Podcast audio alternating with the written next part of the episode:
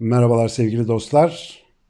Ee, bekliyorsunuz. Biraz önce gördüm. Evet, beklentilerinizde haklısınız. Bugün uzun zamandan beri istediğiniz ve beklediğiniz sevgili dostum, e, dert ortağım, Sayın e, Cem Mumcu. Aha bak Cüneyt de hemen mesaj attı ki Cüneyt de Cem'in kardeşi olur bu arada. E, bugün akşam bizimle beraber olacak. 5 soru programında kendisiyle bir sohbet muhabbet edeceğiz. Ee, aralıklarla görüşüyoruz zaten. Bir de böyle iyi ki YouTube mutluluk var. Bu vesilelerde de görüşürüz. Sevgili Cem'cim hoş geldin. Hoş bulduk Sinan. İyi mi? Sağlık, saat her şey yolunda mı? Yolunda de- denilebilir. Yani böyle bir e, dönemde her şey yolunda demek bana çok e, sağlıklı ve doğru gelmiyor. Bu dönemi zaten Ya idare ediyorum. evet. İdare ediyoruz. Bu dönemi zaten seninle biraz konuşacağız. Çünkü e, zaten seni herkes tanıyor. Ben e, bu genellikle programlarda tanıtıma çok girişmiyorum ama merak eden Cem Mumcu yazarsa zaten bol bol görecektir. Bir yazar, bir psikiyatrist, uzman hekim ve e, aslında ruhumuzun derinliklerinde gezinen işlerle uğraşıyor senelerden beri. Hem işin maddi kısmıyla yani tıbbi kısmıyla hem mana kısmıyla derinlemesine meşgul olmuş bir arkadaşımız. O yüzden bizim sohbetler bitmez. Neyse ki bugün zaman sınırımız var. Yani kabaca format olarak bir saat falan gibi ama çok coşarsak uzayabiliyor bilmiyorum. Bakacağız vaziyete. Ee, benim şimdi programın formatı Cem'cim 5 soru adı bu. Ee, aslında 5 tane soru soruyorum ama sana çok öyle bir şey yapmayı düşünmüyorum. Arada coşacağız beraber. Ama bir tane sorum var. Özellikle bu programa e, işte bu programda ağırlamayı istediğim dostların, arkadaşların, hocaların, düşünürlerin, yazarların bu soruya cevap vermelerini önemli buluyorum dinleyenler açısından. Ee, soru şöyle, Cem Mumcu mutlu bir insan mıdır? Hayatından memnun mudur? Bir daha dünyaya gelse idi eğer başka bir alternatifi mi tercih ederdi yoksa aynı hayatı yaşar mıydı? Cem Mumcu buna nasıl cevap verir acaba?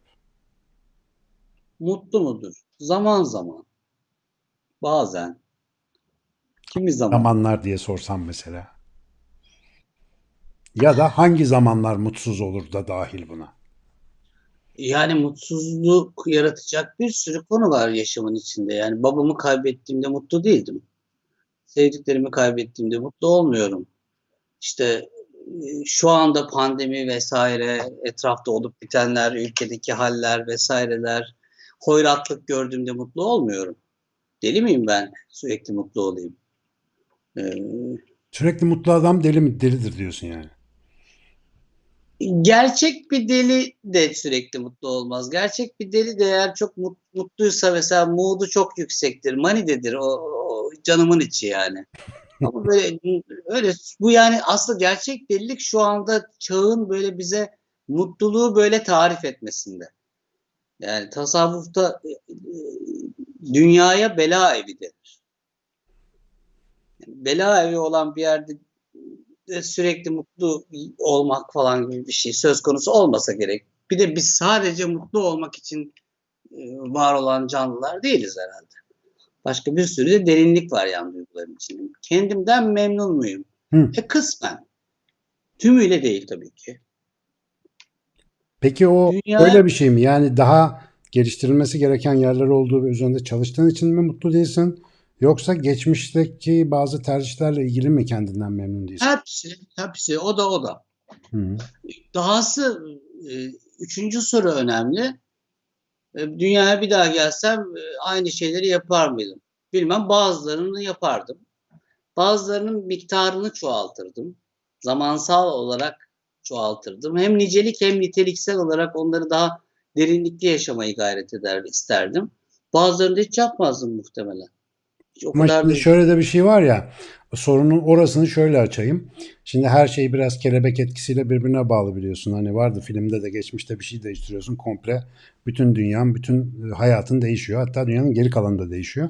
Dolayısıyla aslında bir alternatif olsa muhtemelen hani küçük bir şey değiştirsen geçmişte belki. Bugünkü Cem Mumcu değil de başka biri olacaktı. Bu sana büyük bir kayıp gibi mi yoksa bir keşif gibi mi gelir? Nasıl bir şey? Yok canım ben kendimi o kadar önemsemiyorum ya. Hı. Yani kay- kaybolduğum yollarda o kadar güzel şeyler buldum ki ben. Hı hı. Ya ben ken- kendime yatırım yapan biri değilim. Ben ana yatırım yapan biriyim. Anı yaşayan biriyim. Onun için öyle kendimi tarif etme üzerinden bakmam bu soruya ben. Hı hı. Yani işim olmaz onunla benim. Ee, Dolayısıyla geçmişi değiştirirdim tabii bir sürü şey değiştirirdim. Başka şeyler olurdu. Ee, başka şeylerde de gene benzer özleri arardım muhtemelen. Diyelim tıp Daha iyi, fakültesini daha tıp- iyi bulurdum belki. tıp fakültesini tercih etmedi de ne bileyim maceracı bir gezgin olmayı tercih etti falan. Böyle bir alternatif evrende Cem Mumcu. Enteresan olabilir. Zaten sen geziyorsun. E ben aslında evet maceracı gezgin bir tarafım zaten çok var. Tabii. E, Yani gezerken de öyleyim. Dünyada gezerken de öyleyim ama mesela ok- okumalarım da öyle gezmelidir benim. Yani müzik dinlemelerim de öyle biraz gezmelidir. Ee, ya aslında bir şey söyleyeyim mi? Benim çok sık ettiğim laf var. Allah kimseyi tamamlanmış hissettirmesin kendine yani. Çok kötü. Hiç öyle tamamlanmış falan hisseden insanlara e, şaşırıyorum. Vardır belki ama bilmiyorum. Belki İbni Arabi falandır o. Yani belki. Bilmiyorum. Peki o zaman sen hani bu işlerle özellikle İbn Arabi ile falan zamanında çok meşgul olmuş. İnançlı olduğunu bildiğim de bir insansın ama sana o zaman bu soruyu şöyle sorayım. Sence Allah senden razı mıdır? Yani sen kendinden razı mısın? Ee, varlık amacına uygun yaşadığını düşünüyor musun? Yani şimdiye kadar o yönde kendini nasıl hissediyorsun mesela? Bu bence bizim gibi insanların kendinden razı olmasını da çok belirleyen bir şey gibi geliyor. Bilmiyorum yanılıyor muyum? Ya o kadar razı mıyım? O kadar razı mıdır bilmiyorum. Ama e, yani onun benden razı olması benim kendimden razı olmasına doğru giden yolda yürümeye devam etmeye gayret ediyorum. İşte okey. Dahası kendimden de sürekli razı değilim. Çünkü sürekli razı olursam orada takılır kalırım. Benim bir öykümde geçer o. Bir bölümünde bir evi tarif ederken evi şöyle tarif ederim. Adeta 1900 işte 72'nin 72'de takılıp kalmış bir ev gibidir. Eşyalarından bilmem nesine kadar. Onların zaten kokusu da çok gariptir öyle evlerin. Ben böyle insanlar da çok bilirim etrafımda. Hatta geçmişimden de. Yani mesela üniversitenin ilk yıllarında ar- çok yakın arkadaşım olan biriyle sonra karşılaştığımda bizim bıraktığımız yerde durduğuna bak görebiliyorum. Birçok insanda bunu görüyorum. Mesela gü- güncellenmiyor. içi de dışı da. Onun için bu kadar da razı olmayacağım ben. Yani korkuyla ümit arasında biraz böyle gelişime de yatkın bir gidişat var gibi sanki yani. İyi güzel. Beklediğim cevaplar zaten bunlar. Şimdi ben bu soruyu niye önemsiyorum biliyor musun? Yani dinleyenler açısından. Şimdi e, genellikle e, böyle bir şeyler yapmış, toplumda bir Ama bir şekilde... şey söyleyeyim, Hı. sözünü keseceğim. Evet, estağfurullah kes kes. Bu soruya en güzel yanıtı Borges'e ithaf edilen, Borges'in mi değil mi olduğuna emin olmadığım bir şiir vardır. Hı. Bilir misin o şiiri? Yok bilmiyorum. Söyle bakayım. Okuyalım mı? Sıkılır Tabii tabii okuyor. Ben olur mu canım? Lütfen rica ederim. Bence en güzel cevabı o veriyor. O kadar basit ve güzel anlatır ki ama gerçekten Borges'in midir ben de bilmiyorum. Diyor ki eğer yeniden başlayabilseydim yaşamaya ikincisinde daha çok hata yapar. Kusursuz olmaya çalışmaz sırt üstü yatardım. Neşeli olurdum ilkinde olmadığım kadar. Çok az şeyi ciddiyette yapardım. Bildim. Temizlik sorun bile olmazdı asla. Daha çok riske girerdim. Daha çok riske girerdim. Seyahat ederdim daha fazla. Daha çok güneş doğuşu izler. Daha çok dağa tırmanır. Daha çok nehirde yüzerdim. Görmediğim birçok yere giderdim. Dondurma yerdim doyasıya ve daha az bezelye. Gerçek sorunlarım olurdu hayali olanların yerine. Yaşamın her anını gerçek bir verimlilik kılan insanlardandım ben. Yeniden başlayabilseydim eğer yalnız mutlu anlarım olurdu. Anlar, sadece anlar. Hiçbir yere yanında termometre, su, şemsiye ve paraşüt almadan gitmeyen insanlardandım ben. Yeniden başlayabilseydim eğer hiçbir şey taşımazdım.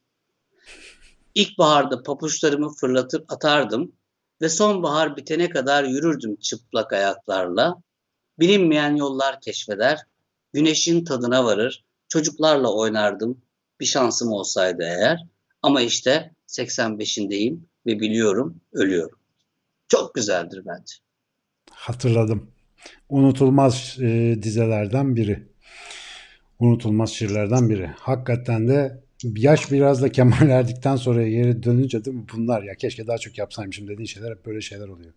Daha fazla mal biriktirseydim, daha fazla bilmem ne olsaydı değil de biraz böyle bir şey var. Kendi kafamızdaki önem ve değer hiyerarşisini zaman zaman gözden geçirmemiz lazım. Yani hayat aslında bizi bunu gözden geçirmemiz için zaman zaman tokatlar, duymazdan geliriz. Ama aslında gözden geçirmeye devam ete gelmekte fayda var. Aynen öyle. Güzel. Şimdi Ev, onun için evrim diye bir şey var. Evrim bunu hep yapıyor işte. aynen öyle. Her an yaratılmakta. Her an gözden geçiriyor. Geçen sene öyle oldu diye bu sene de öyle yapmıyor. Kafaya bir şeyi takıp sadece mesela büyümem lazım demiyor. Sadece çok yeşil olmam lazım da demiyor. Evet, biraz bunu çok yavaş ve durarak gözlemleyemediğimiz için galiba gözden kaçırıyoruz. Ancak büyük bir tokat yiyince e, ne değişimler oluyor, ne oluyor onu biliyoruz galiba. Ben birkaç gün önce sana misafir olmuştum. Sağ ol, çok güzel sohbet muhabbet ettik ama orada özellikle açmadığım bir konu var. Bugün buraya sakladım onu. E, o konu da şu, şu anda içinden geçtiğimiz şey.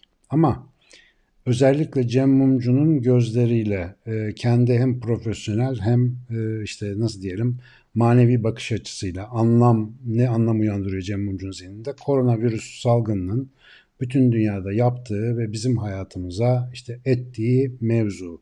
Çok resmini çizmeye gerek yok. Herkes değişik şekillerde yaşıyor. İki veçesi var senden dinlemek istediğim. Bir, sana ne yapıyor? Yani sana nasıl etki yapıyor?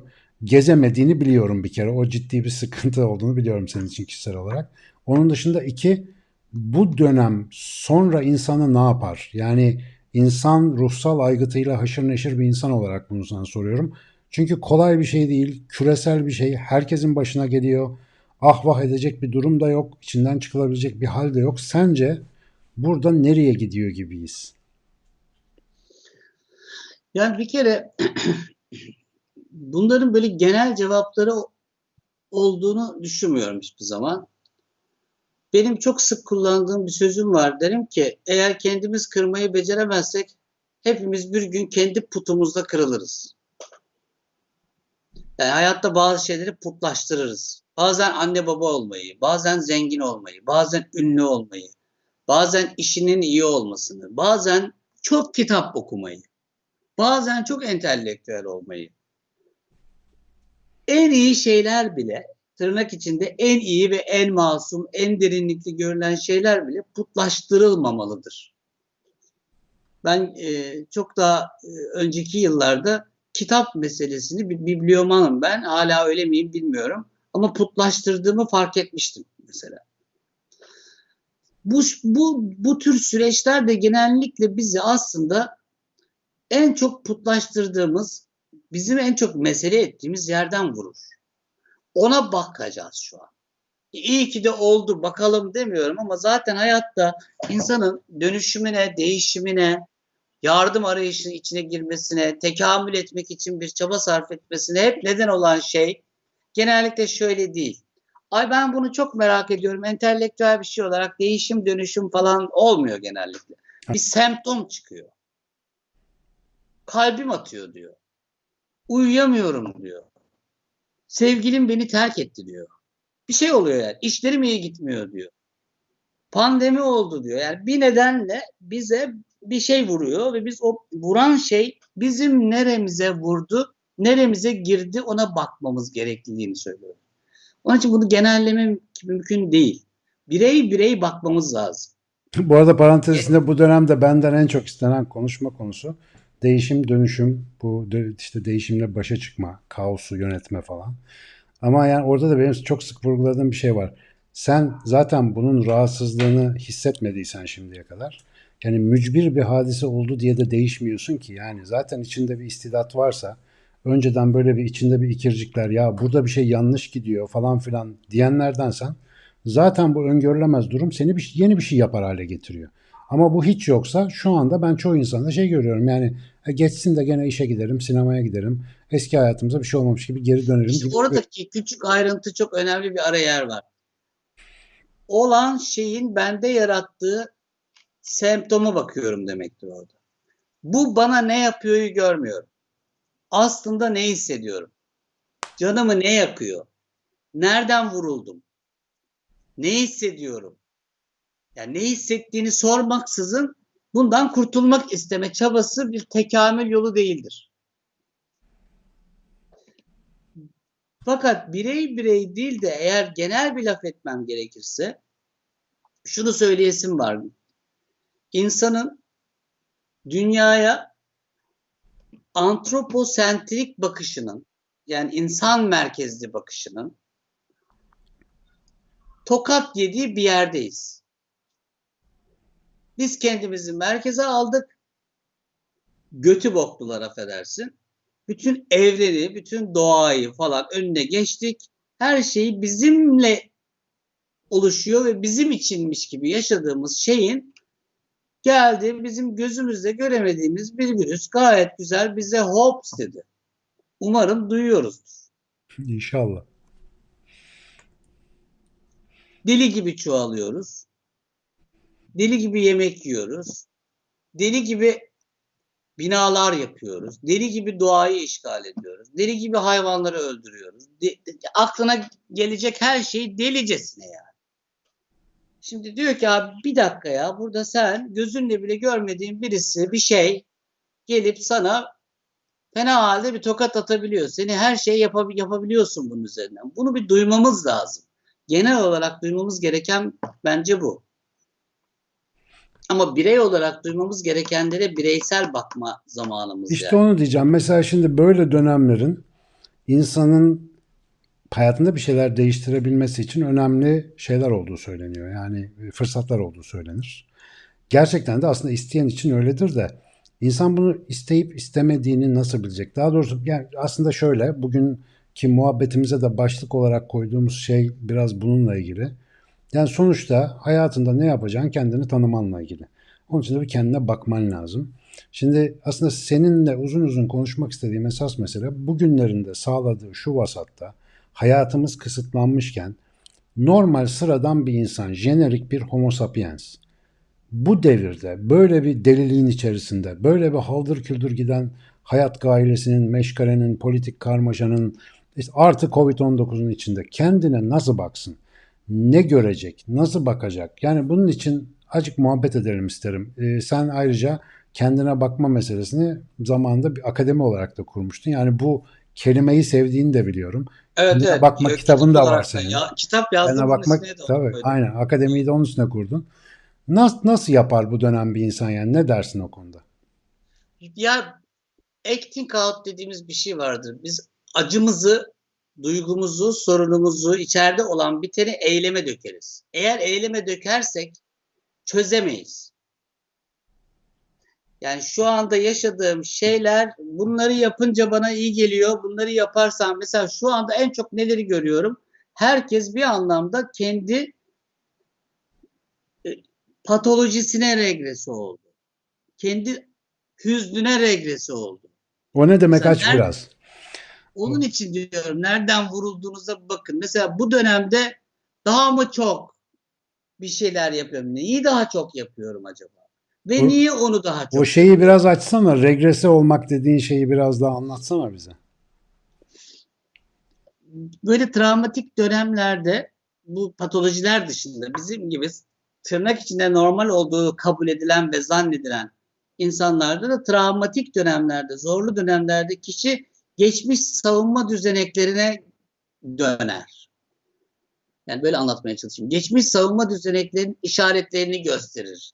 Yani çocukken heyecanlanınca sürekli tuvalete gidiyorsa şimdi de heyecanlandığında tuvalete gider. O ilkin Kapı reaksiyonlar. Ha. Mesela çok görünme çaban mı çıktı bu dönem? Mesela ben bunu birçok insanda görüyorum bu ara. Ee, çok mu uyuyorsun? Yani ne hissediyorsun? Nerene vurdu? Ne canını yakıyor? Benim geçmişimdeki neyim canlandı? Çocukluğumda be- da benzeyen şeyler neydi? Ben çocukluğumun hangi döneminde, hangi diliminde buna benzer olmuştum? Orada bize dair bir işaret var. Yani düşlerimiz var ya bizim düşlerimiz.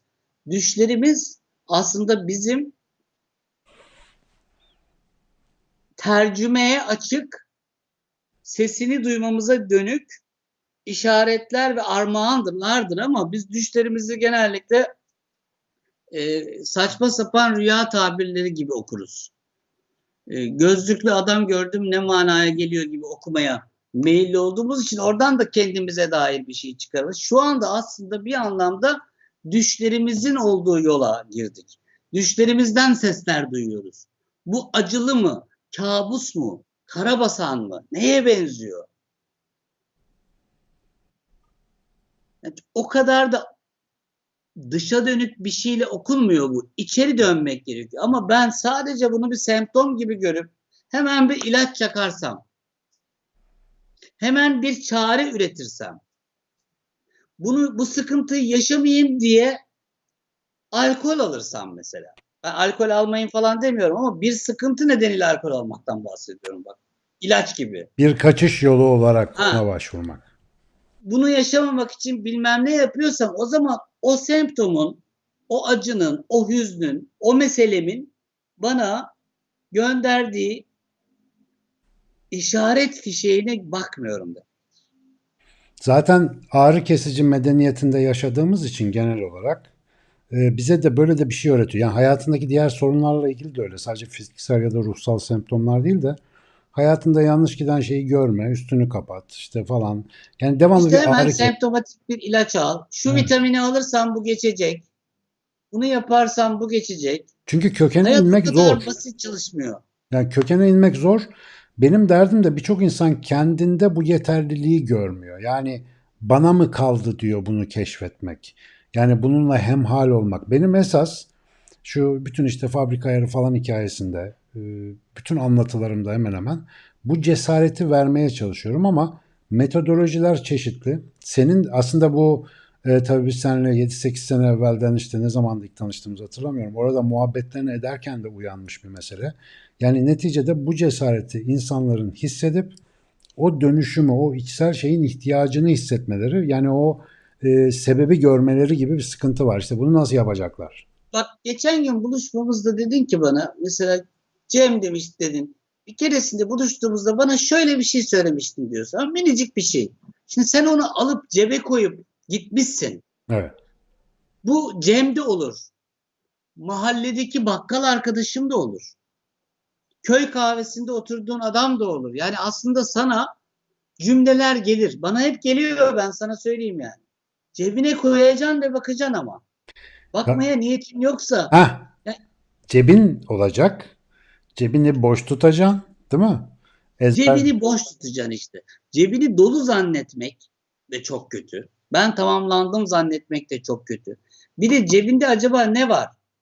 Parayla mı doldurdun? E, başka koyacak bir şey kalmıyor oraya. Bak bir şey koyamıyorum, doldurmuşum. Çocuğunla mı doldurdun? Ben en iyi anneyim. Böyle anneler var şimdi. Ya bu çocukları için üzülüyorum. Vallahi geçen Nihan Annelik öyle kariyeristik bir şey değildir. Evet, tabii. Hatta mümkünse hiçbir şey kariyeristik olmasın.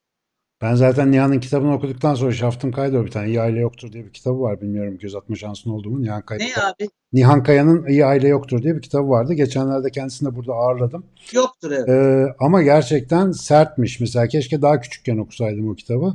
Yani tamamen o kendini işte kendi ürünleri hatta malları olarak gördüğü çocuklar üzerinden tanımlama adeti bize böyle toplumsal olarak aktarılıyor ya. Hem çocuk üzerindeki böyle baskımız hem de ondan beklentimiz hepimizi arızalı hale getiriyor aslında temelde. Yani bu sadece o insanın kendi derdinden kaçmasını değil aynı zamanda bir başka insanın da e, işi olmayan dertlerle yüklenmesini biraz sağlıyor. Bu abi böyle işte sen bu dedim ya ruhsal aygıtla uğraşıyorsun. Neresinden tutsan elinde kalacak bir şey. Zaten hani indirilmiş yazılımda bir sürü problem var. Günlük Abi bak ezberlerde çok problem var. neresinden tutsan elinde kalmaz. Hı. Eğer onu sadece bilgiyle tutarsan elinde kalır. Ne kadar donanımlı olursan ol, sadece bilgiyle tutarsan, ne kadar bilgili olursan ol, sadece bilgiyle tutarsan, sadece bir şeyle tutarsan ama hemhal olman gerekiyor. Halet. Ruhsal algı dediğin şey kendinle de başkasıyla da aslında hikaye hemhal olmaktır. Yani düşünsene bana biri geliyor ve ben hemen şöyle diyorum. Duymadım ben onu. Ben ona semptom gözüyle bakıyorum. Onunla bir ilişkim yok. Hatta bu durumda benim onun bir dahaki seansında açıp notlarına bakıp bu kimdi yahu demem lazım. Ulan bu kimdi yahu diyorsan o zaman bu nasıl bir ilişkidir? Biraz keşfetmeye yönelik olacak galiba değil mi? Hem kendine hem Orada olacaksın. Sen de onun içinde olacaksın. Dolayısıyla sadece bilgiyle bakarsan gene kariyeristik bir zeminde bir iş yapmış gibi oluyorsun. Yani bizim gözden kaçırdığımız şey şu oldu. Özellikle e, rasyonalizmden sonra bilgi daha çok bu bilindik anlamdaki entelektüel bilgiye irca oldu diyeyim, indirgendi. Sezgiler yok oldu. Başka bir takım şeyler halbuki ben şöyle anlatırım. Mesela bir adam düşün. Adam bir kürsünün ana bilim dalı başkanı.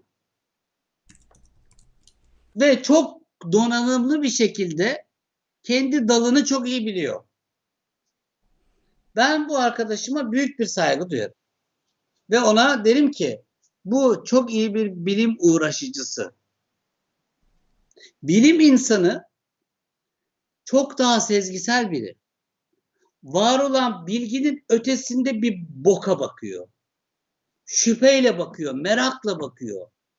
Yani ona söylenen şeylerin dışında dışına bir adım atmış bir adam. Sınır zorlayan. Çünkü aksi takdirde bilimsel bilgi bile kilise haline geliyor. Aynen öyle. Şu anda da öyle zaten. Mesela onun için işte televizyonlarda, gazetelerde, şunlarda, bunlarda, işte reklamlarda İsviçreli bilim insanları diye bir şeyle bizi mesela gayet iyi ağlayabiliyorlar. Ha, bilim insanıysa tamam. Hele Yok abi hiç bitmiştir. tamam değil. hiç tamam değil. Bu bilimsel araştırmalar büyük oranda endüstrinin hizmetindedir. Bu bilim insanlarının çoğu da öyledir. Hiç bize numara yapmayın. Ben yapılan araştırmaların çoğunun içinde bile durmaktan utanırım. Ama Sıklıkla kullandığım bir ifade var. Aslında biraz belki senden de mülhem olabilir yaptığımız konuşmalardan tam hatırlamıyorum ama e, şifa özellikle hekimlik bağlamında hani aradığımız şifa bilimsel bir şey değil. Yani daha çok sanatsal bir şey.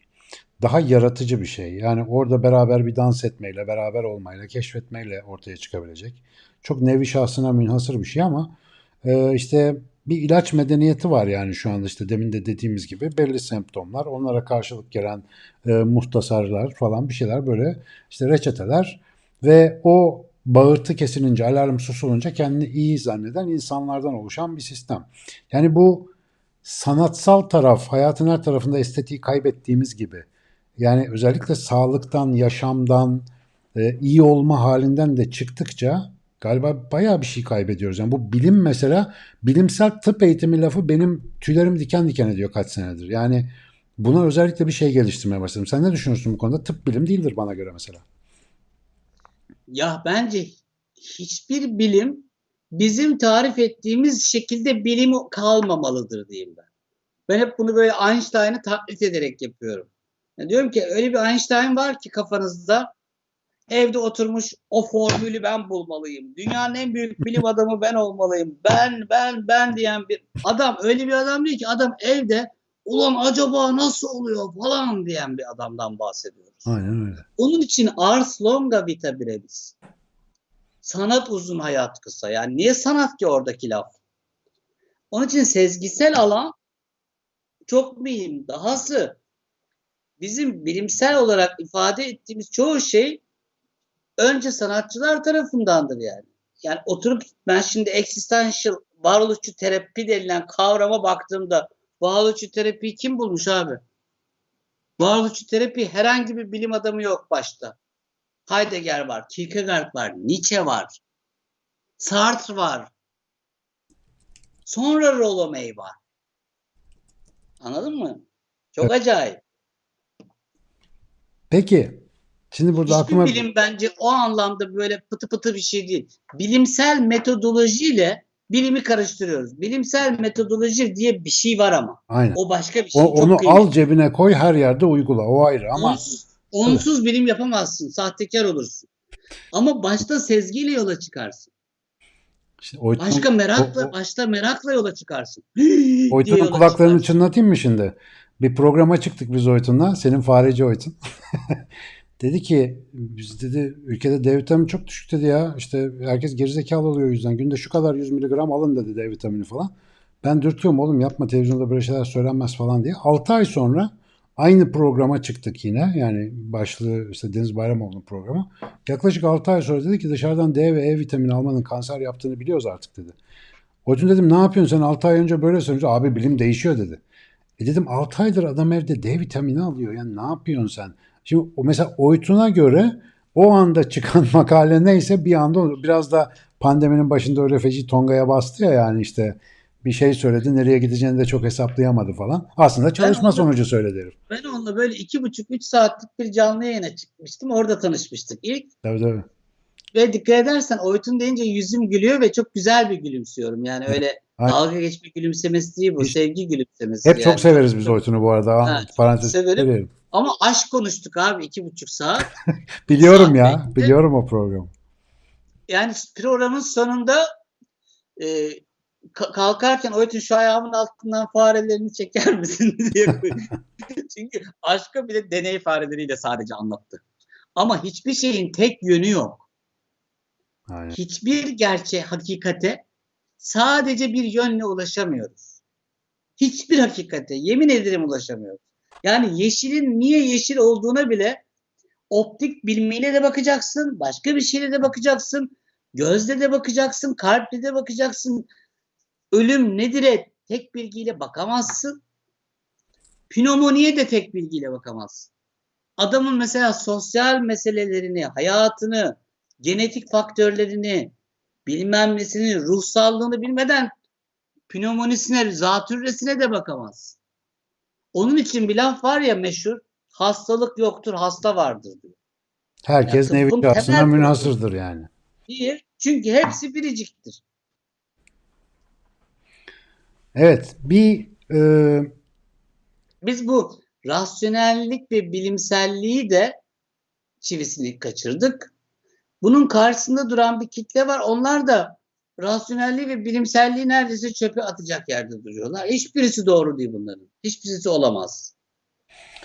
Aynen doğru. Burada da zaten hemfikir olduğumuz belli ama yani bu konunun e, biraz anlaşılması yani sadece profesyonel düzeyde değil de yani yaşı normal bu hayatı yaşayan insanların hani şifa denen şeyin, iyilik denen şeyin öyle mikroskop altında bilmem ne deney yapılarak bulunabilecek bir şey olmadığını, bir bütüncül barış hali olduğunu galiba anlamaları lazım. Biraz daha o açıdan ben bunu konuşmak istiyorum ama senin hep söylediğin bir şey var. Onu senin anlatmanı istiyorum. Bu beş soruya benim ilk yazdığım soruydu seninle ilgili.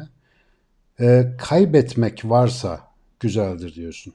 Mesela muhtemelen ölüm fikriyle ilgili çıkmış bir şeye benziyor bu sende. Mesela aşk kaybetmek varsa sonunda. Başladıysa biter o yüzden güzel diye bir sözüm var. Çok severim. Bunu bir söylesene. Mesela şu andaki dönemde hep kayıplar dönemi ya. Böyle kayıp bizi strese sokuyor. Kayıp düşüncesi içimizi daraltıyor. Hep bununla Sinan, gidiyoruz. Nedir abi bu? Sen şimdi bu soruma sen de bak. Ee, bizi izleyen arkadaşlar, dostlar da baksınlar. Baksınlar. Şöyle bir haber geliyor bize. Diyor ki haber ve net bilgi. Şu andan itibaren ölmeyeceksin. Sevdiğin hiç kimse de kaybetmeyeceksin. Sonsuz miktarda da refah içinde olacaksın. Ve bunu asla kaybetmeyeceksin. Hiç olumsuz bir şey yaşamayacaksın. Ne hissedersin?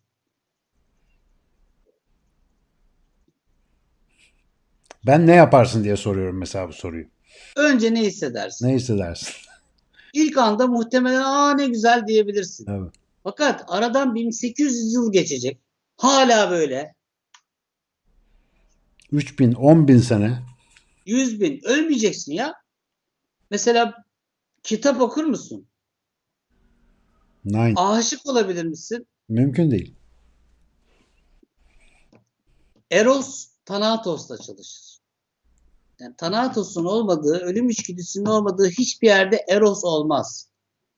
Merak olmaz, aşk olmaz. Ben sana baktığımda bir dostum var ve bir gün öleceği bilgisiyle karşındayım. Ve bir gün ben öleceğim bilgisiyle de karşındayım. Onun için de çok kıymetli bu.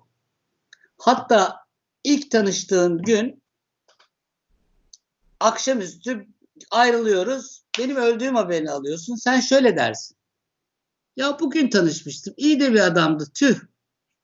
Fakat bak aradan kaç yıl geçmiş. Şimdi ölürsem sadece tühte kalmaz o. Demek ki aslında benimle hemhal olarak bir ilişki kurarak aynı zamanda benim kaybımdan yaralanabilirliğini de artırıyorsun bak. Aynen öyle. Onun için biz aşk ilişkilerin de mesela başında her şey niye çok yüksektir? Henüz tam edinmemiştir karşısındaki kişi. Henüz olmamıştır, yenidir. Sonra evlendik, bundan sonra da ayrılmak da yok, çocuk da yaptık falan deyince bir bakarsın artık sevişmiyorlar bile. Cendere Niye? başlar. Çünkü aslında hayat bir başka olasılığın olası olduğu durumdur. Ölüm bir başka olasılığın olası olmadığı durumdur. Yani bir anlamda ilişkini öldürmüşsün. Bir anlamda olasılıksız hale getirmişsin. Halbuki ben benden başka seçenekleri olan bir kadının benimle beni seçmesini seçiyorum diyor. Benden başka hiçbir seçeneği yok. Asla da gitmeyecek diyen bir kadın bir erkek olarak benim kalbimde çok fazla kalamaz. Ben de bir erkek olarak böyle bir böyle yaşatırsam karşımdakine onda da kalamam. Mutlaka ve E, Tam mutlaka başka ihtimallerin var olması durumunda olabilen bir şey. Bu çok çok önemli. yaşam bir başka olasılığın olası olduğu durumdur. Ölüm bir başka olasılığın olası olmadığı durumdur. Onun için biz bir şeyin içinden çıkamaz gibi hissettiğimizde de kendimizi ölecek kadar kötü hissederiz. Niye? Çünkü ölümün olasılıksızlığına işaret eder. Halbuki o ölümün küçük kopyalarıdır hayatta. Aa, Yani sen de bana Han diyorlar ki- Sağtürk ne güzel söylemiş ya. Ölüm gibi bir şey oldu ama kimse ölmedi dediği demek ayrılık da öyle bir şey yapıyor. Bak şu anda çocuğun şarkı sözüne erdim görüyor musun? Şey Han Sağtürk diyorum. Neydi o çocuğun ismi? Şey vardı ya. Ansar Türk Babo Baletti ya. Şey, Baleyle uğraşan arkadaşımız. tamam yok neydi? Duman Duman işte. Dumandaki çocuk. Ha, tamam. Ha, Hı. evet. Söz, sözü şimdi anladım yalnız yani. Ölüm gibi bir şey oldu ama kimse ölmedi. Güzel. Onun için mesela e, Eros deyince akla sadece bildiğimiz ero, erotiğin erosu gelmesin. Eros yaşam içgüdüsüdür aynı zamanda. Yani çocuğunuza karşı da içinizde eros var. Senin bana karşı da eros var. Yani erotik e, bildiğimiz erotik dünyanın dışında çiçeğe karşı da eros var. Tabii. Ama çiçek de solma ihtimali olan bir şey ve benim onu sulamam da gerekiyor. Cazibe mi diyoruz buna biz? Yok. Ne diyoruz Yok. ona? Cazibe değil. Yaşam içgüdüsü gibi düşün. Hı. Ya- yaşam yaşamın daki aşkın bir türü ama sadece erotik olanı imlemiyor aslında Evet. Eros. Eros. Hı hı. Ben hep şöyle söylerim ya. Çocuğunuz oldu değil mi? Hep birlikte kutluyoruz. Sana geliyorum. Allah'ım ne güzel diyoruz. Hediyeler, çiçekler, balonlar. Ama aslında şu andan itibaren senin kaybından aşırı korktuğun bir ölümlü dünyaya getirdim. Ondan evvel böyle bir korkun yoktu. Aynı zamanda da ölmesinden çok korktuğun biri dünyaya geldi. Yani aslında bir varlıkla birlikte sana bir yokluk da geldi. Bir yokluk olasılığı da geldi. Ve bu aynı zamanda senin coşkunu, arzunu da artırır. Onun için kıymetlidir.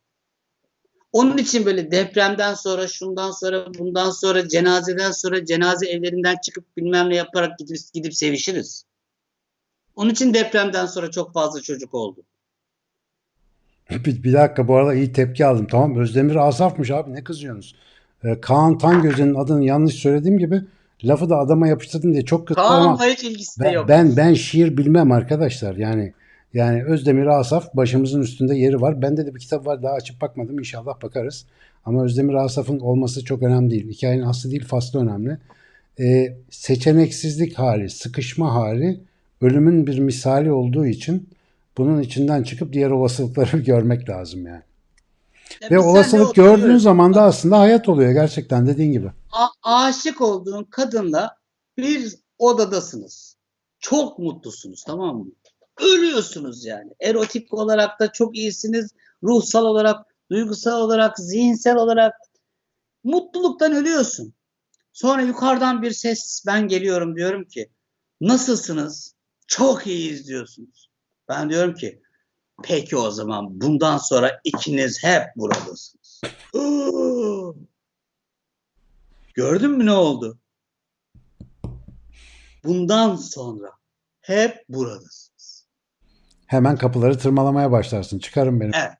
Kabusa döner. Aynen öyle. Vay arkadaş. Gerçekten eee, A, B, C ve D şıklarının olması kafa karışıklığı değil hayatın belirtisi. Arkadaşlar arada seçim yapamadığımızda olaya böyle baksak, seçenek çokluğunda A yaşıyoruz Allah'a şükür desek, kararsız kaldığımızda bu e, bize oldukça yardımcı olur gibi geldi bana sanki böyle deyince. Ben hayatımdaki birçok yerdeki sıkışmışlıklara da bakıyorum. Hayatımın bazı dönemlerde kendimi hiç iyi hissetmezdim. Ölecekmişim gibi gelirdi. Hatta panik ataklar falan olduğum dönemler vardı benim eskiden. Bakıyorum onlarda aslında temel mesele o bana mutlakmış gibi geliyordu. Yani hiç geçmeyecekmiş. Hep öyle olacakmış gibi. Çünkü bak, çünkü bak kadın ya da adam eşiyle çok mutsuz. Aşırı mutsuz ya. Fakat ona bu ölüm gibi geliyor.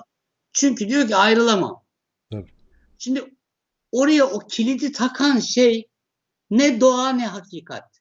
O onun Kontrat. kendi korkuları. Annem ne der, babam ne der, etraf ne der, şu ne der, ayrıldığımı, ayrılmak istediğimi söylediğim diğer partnerim benim için ne der. Ama bana kızacak. E, kızacak tabii. Doğru değil. Öfkelenecek, e, öfkelenecek tabii. Yalnız şey diyorum abi evlilik Sen sözleşmelerine ben şunu çok çok duyarım biliyor musun? Hatta sorarım. Derim ki şu an keşke o seni aldatsa ve biz bir hata yapsa ne kadar iyi olur. Hıy, Tam aradığım şeydi. Çünkü o sorumlu ve hissetmeyecek kendini. Tabii. Suçlu da hissetmeyecek. Aynen öyle. Şimdi oradaki kilit gerçek kilit değil. Sen geçmişinden getirdiğin annenin babanın evinde senin cebine konmuş kilidi, asma kilidi ilişkine asmışsın abi. E, kusura bakma yani bu gerçek değil. Abi benim boşanmaları azaltmak için bir projem vardı. Yani normalde insanlar evlenirken imza atıyorlar ya. O imzayı böyle bir kontratın altına alsalar ve kontratın başında şey yazsa. Bu kontrat iki taraf tarafından herhangi bir anda feshedilebilir. E, süresizdir. Yani ömür boyu sürmesine gerek yoktur falan diye rahatlatıcı iki tane madde olsa yemin ediyorum boşanmalar bence yarıya düşer. Yani E, o, biz zaten Katolik nikahı kıymıyoruz. Biz zaten Aynen öyle öyle. aslında bir anlamda. ama işte şey yok ya yani sonsuza kadar falan iyi günde kötü Ama sen günde peki- geberene kadar Evet, psikolojisi kadar- var ya. Ama ben sana söyleyeyim bu sadece evliliklerde yok ki sevgililer arasında da var. Aynen öyle. Hep var. Yani sadece imza değil meseleyi yapan. Çünkü Ölümsüzlük ararken ne aradığımızı bilmiyoruz yani. Herkes ölümsüzlük iksirini arıyor da işte ölümsüzlük arayınca belanı buluyorsun aslında. Mesele biraz onunla ilgili galiba. ben hep şunu söylerim. Biz sorumluluğu hep yanlış algılamışızdır. Halbuki sadece özgürler sorumludur. Evet. Özgür olmayanların sorumluluğu yok. Bir ara konuşuruz bunu. Çok güzel bir konu. Eyvallah. Ya şimdi bir şeyim daha var. Ee, senin galiba kendine bakma kitabından kaldı. Metin olarak hatırlamıyorum ama orada şöyle bir ayrım yakaladım. Bunu bir yere Bu da Özdemir Asaf'ın çıkacak korkarım ki. Yok yok. O sendendir o. Ee, insanın şimdi kalbinin sesini dinleme hikayesi var ya. Şimdi içine dönüp baktığında bir hani hep böyle bir geyik var. Kalbinin sesini dinle işte o sana doğruyu söyler falan ama Kalbinin sesi dediğin şeyde en yüksek gürültülü çıkan sedalar genellikle içeriden heveslerin, arzuların ve bastırılmış isteklerin sesi oluyor. Yani bunlar mesela özellikle de bir hürlük yoksa yani bir baskı altındaysan böyle işte gençler var ya bir evimden gideyim bir Avrupa'yı gezeyim de ne olursa olsun gibi böyle bir kaçma refleksiyle hareket etme var. Bir de gerçekten en öz iç niyetini bilmek, kendine uygun bir e, efendim böyle yol tahayyül etmek, o yola çıkmak için bir cesaret etmek. Soru şu, hevesle, geçici heveslerle insanın gerçekten kalbinin öz niyeti nasıl ayrılır? Böyle bir disiplin var mı? Böyle bir yol var mı? Gençlerin bana en fazla sorduğu, benim de çok net bir cevap henüz bulamadığım bir soru bu. Şimdi o heves dediğim şey eğer bir semptomdan, bir sıkıntıdan, bir meselemi çözmekten beni kurtarsın diye yaptığım bir şeyse çank diye attığım uyuşturucu bir madde gibi.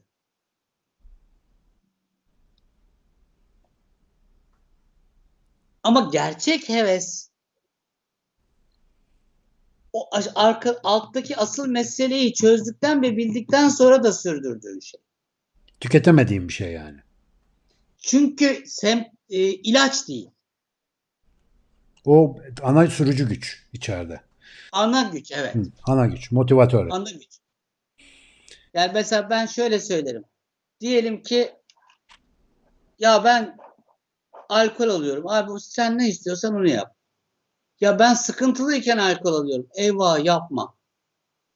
Ben yazı yazmak için alkol alıyorum. Yapma. Evet. Yani asıl meseleyi çözmüyorsun. O onun çözümü için bir şey üretiyorsun. O ürettiğin şeyi heves zannedersin. Bir Üstelik o hevesle gittiğin yerde kıçındaki o sorunu da devam ettirip götürdüğün için yeni bir heves bulmak zorundasın. o zaman bir deneyeceksin. Yani bir deneyeceğim bakayım. O hevesine doğru gittiğinde o seni uyuşturuyor Yok. mu? Yoksa? Önce önce ben bunu niye istiyorum? Bunu istiyorum çünkü buradan çok rahatsızım. Ha o önce şu rahatsız olduğunu bir konuşalım. Önce bir ona bakalım. Yoksa heves dünyanın en güzel e, şeylerinden biri. Ayrıca da hevesim vardı değiştir. Değiştir abi. İstediğin kadar değiştir. Ya hevesi Hayatın anlatabildim değil mi? Aslında Hayatın totaline karşı heves heveskar ol. Hı. Heves perverane yani ol. ge- aslında heves derken geçici hevesi kastı. Tabii ki o hevessiz yaşanmaz o ayrı. Ama bu şeyler var ya hani ya böyle ta- taşrada büyüyen kız çocuğu İstanbul'a kaçar da artist olacağım diye hep o yolu gözler ya hani halbuki onun sonunda da büyük bir yıkım olduğu hep anlatılır hani o değildir esas mevzu. Yani o baskıdan, o eksiklikten, o eksik gördüğü şeyden kaçmak için hayaller kurmak yerine aslında ne yapması gerektiğini fark etme yolculuğundaki farkı sormaya çalışıyorum. Yani Evet ama mesela bu da bir yöntem. Bazen e, o yaştaki birisi o hevesle zaten özgürlük yoluna düşmüştür. evet ayrılır mesela. Dolayısıyla ben o hevesin de arkasında dururum. Çünkü İşte onu, onu göze- tam, tam onu göze almıştır. Hı hı. O heves zaten ona başka yolların da yolunu açacaktır. Benim aklıma hemen o kızın başına kötü bir şey gelecek gelmiyor. Özgürlüğün yoluna düşmüş Aynen olma ihtimali de çok. Onu kötü yola düşüren şey o değil ki. Şu seninle işte daha şey. evvel konuştuğumuz şey vardı ya bir düğün yerinde oynayanla oturanın özgürlük farkı meselesi. Sen Ha. seversin o işi. Yani oturan her Sonuç zaman şuydu orada. tutsak mıdır falan. Düğün değildir. Ba- işte ba- bar gibi, kafe gibi, şey gibi, bar gibi, disco gibi ne bileyim artık discoda kalmadı işte club gibi bir yerde birisi çok güzel dans ediyor, çılgınlar gibi dans ediyor, birisi de oturuyor. Sorum şuydu o zaman benim. Hangisi özgür? Birçok insan dans edene özgür diyor. Bilmiyorum ki eğer orada dans edilmesi lazım diye dans ediyorsa özgür değil. Öbürü de dans etmekten utandığı için dans edersen başıma ne gelir ne derler de dediği için oturuyorsa o da özgür değil. Ama oturmayı seçtiği için o an iç dünyası oturmayı istediği için oturuyorsa çok özgür ya. Aynen öyle. Diğeri de kafasına göre oynuyorsa aynen özgür. Biraz Böyle bir çılgın yani mesela var. şu anda çok moda ya böyle e, özgürlüğü böyle bir takım çılgınlığın görüntüleriyle sunma. Hiç özgür değilsin abi sen. Zaten bir de gösterdiğin çılgınlık örüntüsü bile çok genele mal olmuş bir çılgınlık örüntüsü. Yani neredeyse bir satış sitesinde göreceğim e, mankenlerin çılgınlığının aynısı senin çılgınlığın. Nerene özgür senin? Acıklı yani tam tersine. Aynen öyle. Gelelim son soruya. Ee, biraz önce de sen atıf yaptın. Benim seninle ilgili hatırladığım ve sana ziyaretimde zikrettiğim mesele. İlk defa Ya bir- orada şunu demek istedim ama ben. Yani sen benden, ben senden yoldaki bir e, dilenen birinden Canım tabii ben ama onu biraz açmanı isteyeceğim. Çünkü mesela benim o gün cebim buna müsaitti, boştu ve ben hemen aldım. Bana lazımmış çünkü. Bir imza günündeydik beraber. İşte 4-5 sene ben ne zaman hatırlamıyorum. Ee, orada sohbetimiz sırasında sen bana demiştin ki abi bu hayranlık çok hastalıklı bir duygu. Şimdi o yani bir cümleydi sadece ama o dönemde işte bazı insanların böyle hakikaten gelip işte bir yazar olarak, medyada gözüken bir insan olarak e, ya da efendim bir uzman, doktor bir şey olarak sana ismini duyup gelip herhangi bir teşki mesaiye girmeden önce size hayranım diye karşına çıkması benim de o dönemlerde yavaş yavaş rastlamaya başladığım bir şeydi. Şimdi çok fazla gördüğümüz bir şey ve hayranlık duygusunun neden sorunlu bir duygu olduğunu biraz açmanı isteyeceğim. Evet hastalıklı demeyeyim de zaten Sorunlu daha ziyade ben kendim çok dikkat ederim buna. Ee, şöyle bir şey çünkü abi bak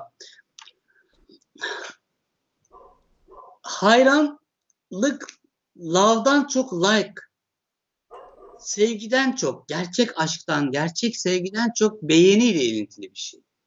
Beğeni şöyle bir şeydir abi. Beğeni koşulludur. Sen bu sene takdir aldın onun için seni çok beğeniyorum. Bir sebebi var. 10 tane zayıf getirdin olmadı. Sevgi öyle değil. Dolayısıyla biz bana hayran olan veya birisi birine hayransa hayran olan kişi benim eve gelse bilmem belki o gün ben geğireceğim yani. Hayal kırıklığı yaşayacak. Ya da beni zannediyor ki sadece Nietzsche okuyorum evde ben. Yok öyle değilim. Sadece belgesel seyrediyorum. Hayır öyle de değilim hayal kırıklığına uğrayacak. Çünkü o ben ondaki bir beğeni nesnesiyim. Dolayısıyla bir hayranla kurulacak ilişkinin eşit hale getirilmesindeki güçlüğü anlatıyorum. Gerçek değildir. Dahası Aslında söylediği Hayran bu. olunan, Gerçek değildir o kendisine- duygu. kendisini hayran olunan kişi olarak tarif eden kişinin de beslenmesi bununla oluşmaya başlayınca çok acayip acıklı bir şey oluyor. Gerçek hiçbir ilişkisi kalmıyor. Aynen öyle. Ve ancak o hayranlık düzeyiyle kendi varoluşunu idame ettirip kendi tatminini hissediyor. Bugün şu kadar çok like aldım. Bugün şu kadar çok iltifat aldım. Bugün şu kadar çok bilmem ne aldım. Hayır. Yani küfretmedim ama çok acıklı, çok hüzünlü. İnsanın varoluşu buna ipoteklenmemeli. Sonra da efendim Twitter'da, sosyal medyada 200, Yeni, 300 bin yeni takipçin oluyor. 200 o inanılmaz cümle geldi. Rilke'nin cümlesi aklıma bak. Hı.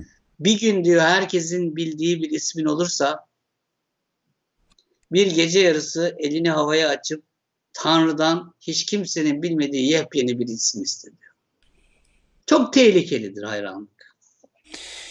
Sosyal me- medyada birkaç yüz bin tane falan takipçi olduktan sonra dışarıdan bakınca o diyorlar ya takipçilere bak falan şimdi işte bir hö dese yürü dese arkasından ordu gelir falan. Ee, şimdi bir ufak ben arada bir böyle Twitter'da falan ajitatif şeyler yazarım işte özellikle gece uykum kaçarsa. O zaman mesela hayranlığın nasıl hızlı şekil değiştirdiğini hemen görebiliyorsun. Sizin gibi bir bilim insanının böyle bla falan filan. Sizin gibi bilmem ne bir şey öyle bir zannetme var ki işin arkasında. Öyle bir şey yakıştırma var ki o karşındakine. Gerçek hayatında hiç alakası yok. Bazı özellikle genç arkadaşlar bana öyle sorular soruyorlar ki o dediğin duayı edesim geliyor. Çocuk beni nasıl görüyorsa benim gibi tembel, gayet keyfine düşkün. Sadece yani canının istediğini yıllardır yapan bir adamı evde Çok çalışkan görüyorum. zannediyor. Tabii tabii deli gibi çalışıyor. Hocam günlük rutininizi merak ediyorsa sabah 6'da kalkarım önce yürüyüş yaparım sadece burnumdan nefes alırım. Böyle desem adam çok işte tam bizim Sinan Hoca diyecek. Ya sabah 10'da sürünerek kalkıyorum 11'e kadar afyonum patlamıyor benim bazı sabahlar. Şunu seviyorum ama mesela ben Sinan'ı seviyorum ya. Sinan'ı çok seviyorum. Bir, Sinan hata da yapsa seviyorum. Eksiği de olsa seviyorum. İki, bunları ona Sinan abi burada şuna bir baksak burada bir sorun var gibi geliyor diyebiliyorum.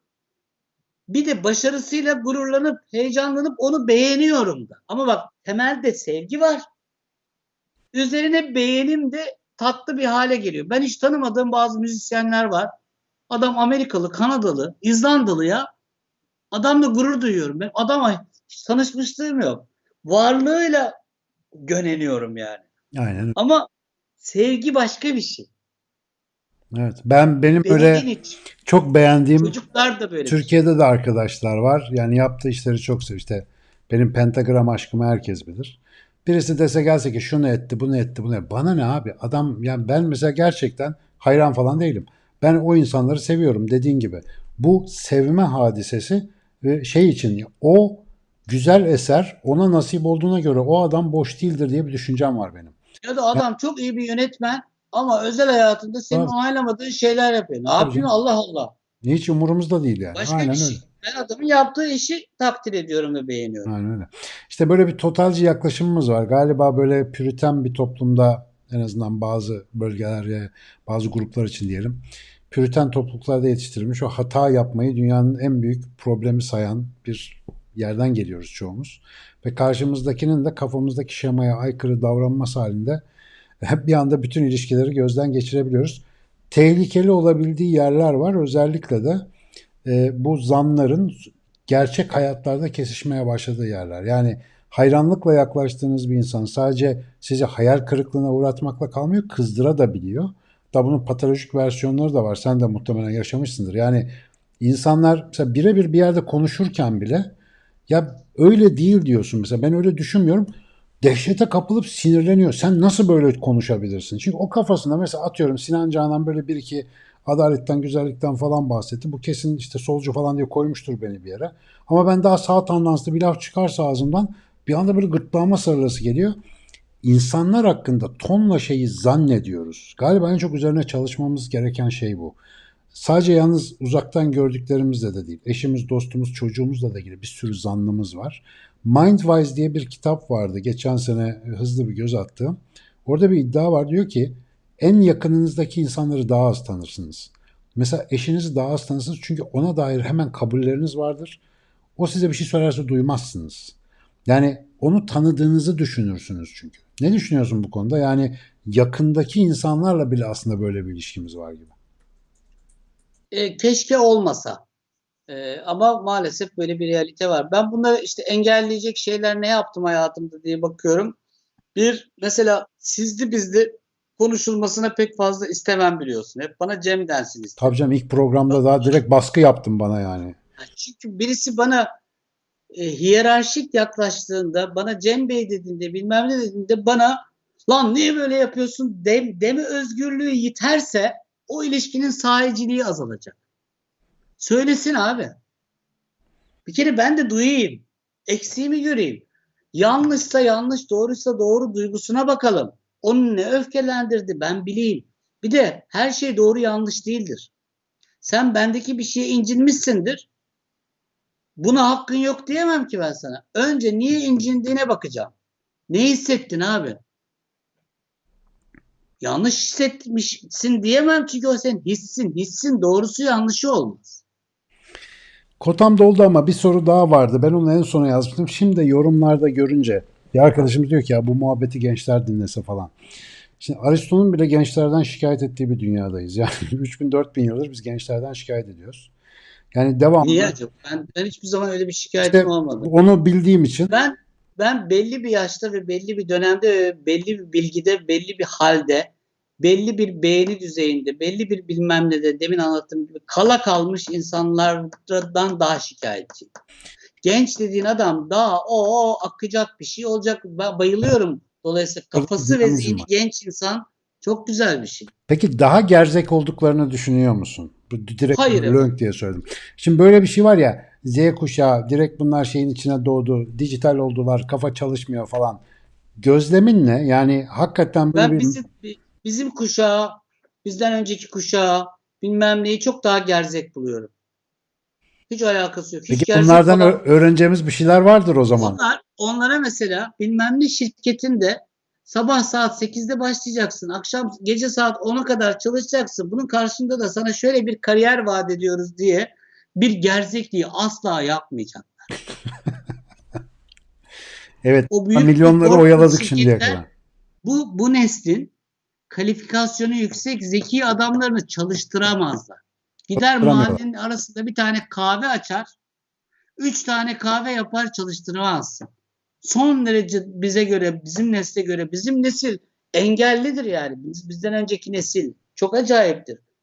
Bunlar bana kalırsa son derece daha hayatla ilişkileri iyi. Tabii Z kuşağının en büyük problemi bu. Çalıştıramıyoruz diyorlar. Yani diyorlar hep böyle Seni çalıştıramıyoruz dedikleri çalışma tarifi ne? Biz biz nasıl çalıştırıldık bir düşünsene. 9-5 Nasıl Tamam, okutulduk, öyle nasıl gibi. çalıştırıldık? Bizim önümüze atılan kemik neydi? Ne kadar korkulu bir zemindi. Direndiğimizde hemen kötü oluyorduk.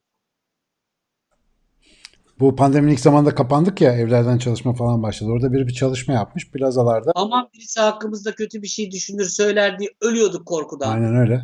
Gerzeklik bu işte. Ve işte 9-5 mesai yaparken insanlar plazalarda günde aktif 2,5 saat çalışılıyormuş. Mesela bu bilgisayar kayıtlarından falan çıkan bir şey.